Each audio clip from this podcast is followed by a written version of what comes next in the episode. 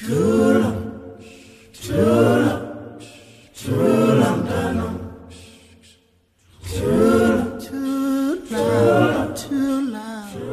Dit is ook gewoonlik die hoofversorger wat later met skuldgevoelens en ander emosionele kwessies opgesaal is na die tyd. Professor Julia Martin van die Engelse departement by die Universiteit Wes-Kaap moes toe kyk hoe haar ma stadig maar seker vergeet. Sy het 'n boek daaroor geskryf getiteld The Black Ridge House en daarin bied sy 'n manier aan die lesers wat soortgelyke ervarings het om dit te verwerk. At the time I was writing while she was alive and after her death. At the time I described it to myself as an act of love and mourning. I think there's something happens when you make art out of experience. The process of making it into a story means that it becomes something out there and that the relief is somehow enacted in that experience of making the art. You're taking the raw, extreme, churning experience and turning it into a story, and that, by putting it out there, does give a certain relief. Martin sê die haar ma se storie neer te pen het vir haar persoonlik verligting gebring na alles wat sy moes deurmaak tydens haar versorging en na haar dood. It's a very delicate topic. Yes, it is. Very intimate. I've learned, though, over the years of writing, that it is possible to tell a very personal story in a way that connects with other people's experience. I mean, you have to go quite close into the close to the bone of your own experience if it's going to be authentic. And that might be quite painful.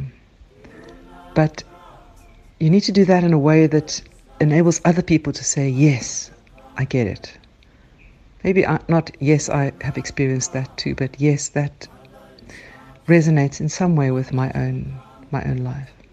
That said, there's also the question of how to write about your beloved mother. You're saying it's a de- delicate topic. How to write about her in a way that sees her whole, uh, that doesn't objectify her, that sees the comic, the tragic, the exhausting aspects of it all. I mean, it's it's demanding in all sorts of ways. That sees all of that without turning her into an object. So we may laugh, but we're never laughing at her. Martin het letterlik op 'n vliegtuig geklim en haar ma se huis gaan soek in Blackridge waar sy groot geword het. Dit was 'n een ding wat haar ma konstant oor gepraat het en onthou het. Die reis en die soeke na die huis het Martin ook 'n sin van afsluiting gegee oor haar ma en wie en wat sy was. I set off at the beginning of the book looking for the place where my mother lived as a little girl until she was about 8 years old.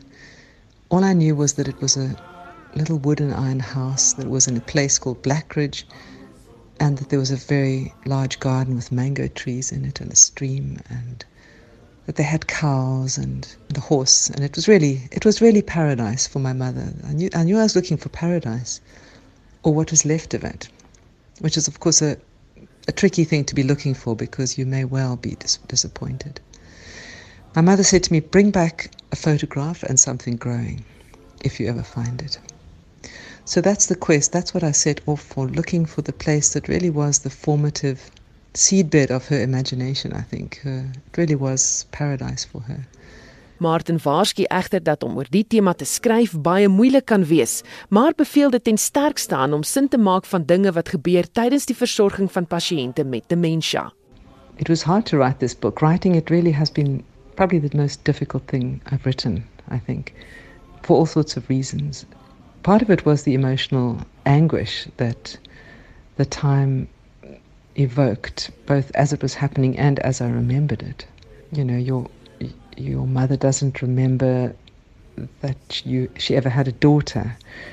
She thinks that you're her mother or her sister, and so on.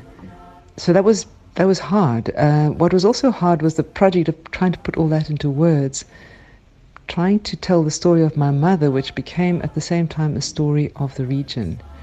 Because once you start looking for home, which is what we're doing, we're looking for home, or paradise even, but you're looking for home, it's not just one person's story, it becomes a story of a whole neighborhood and then the story of the region. And it's a story of KwaZulu Natal, Midlands in, in some ways. So weaving all of that together with the intense personal narrative was hard, but usefully so.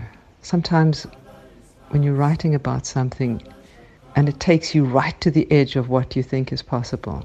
You know, times when you sit there and think, I can't do this. This is way too, this is beyond me. That's where you need to be. And uh, I think it was difficult, but usefully so.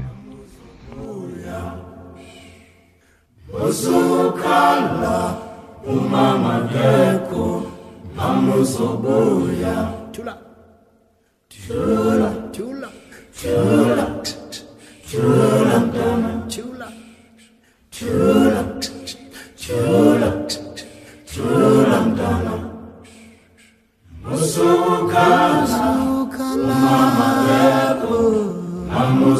amuzobuya usukhala umama yakho amuzobuya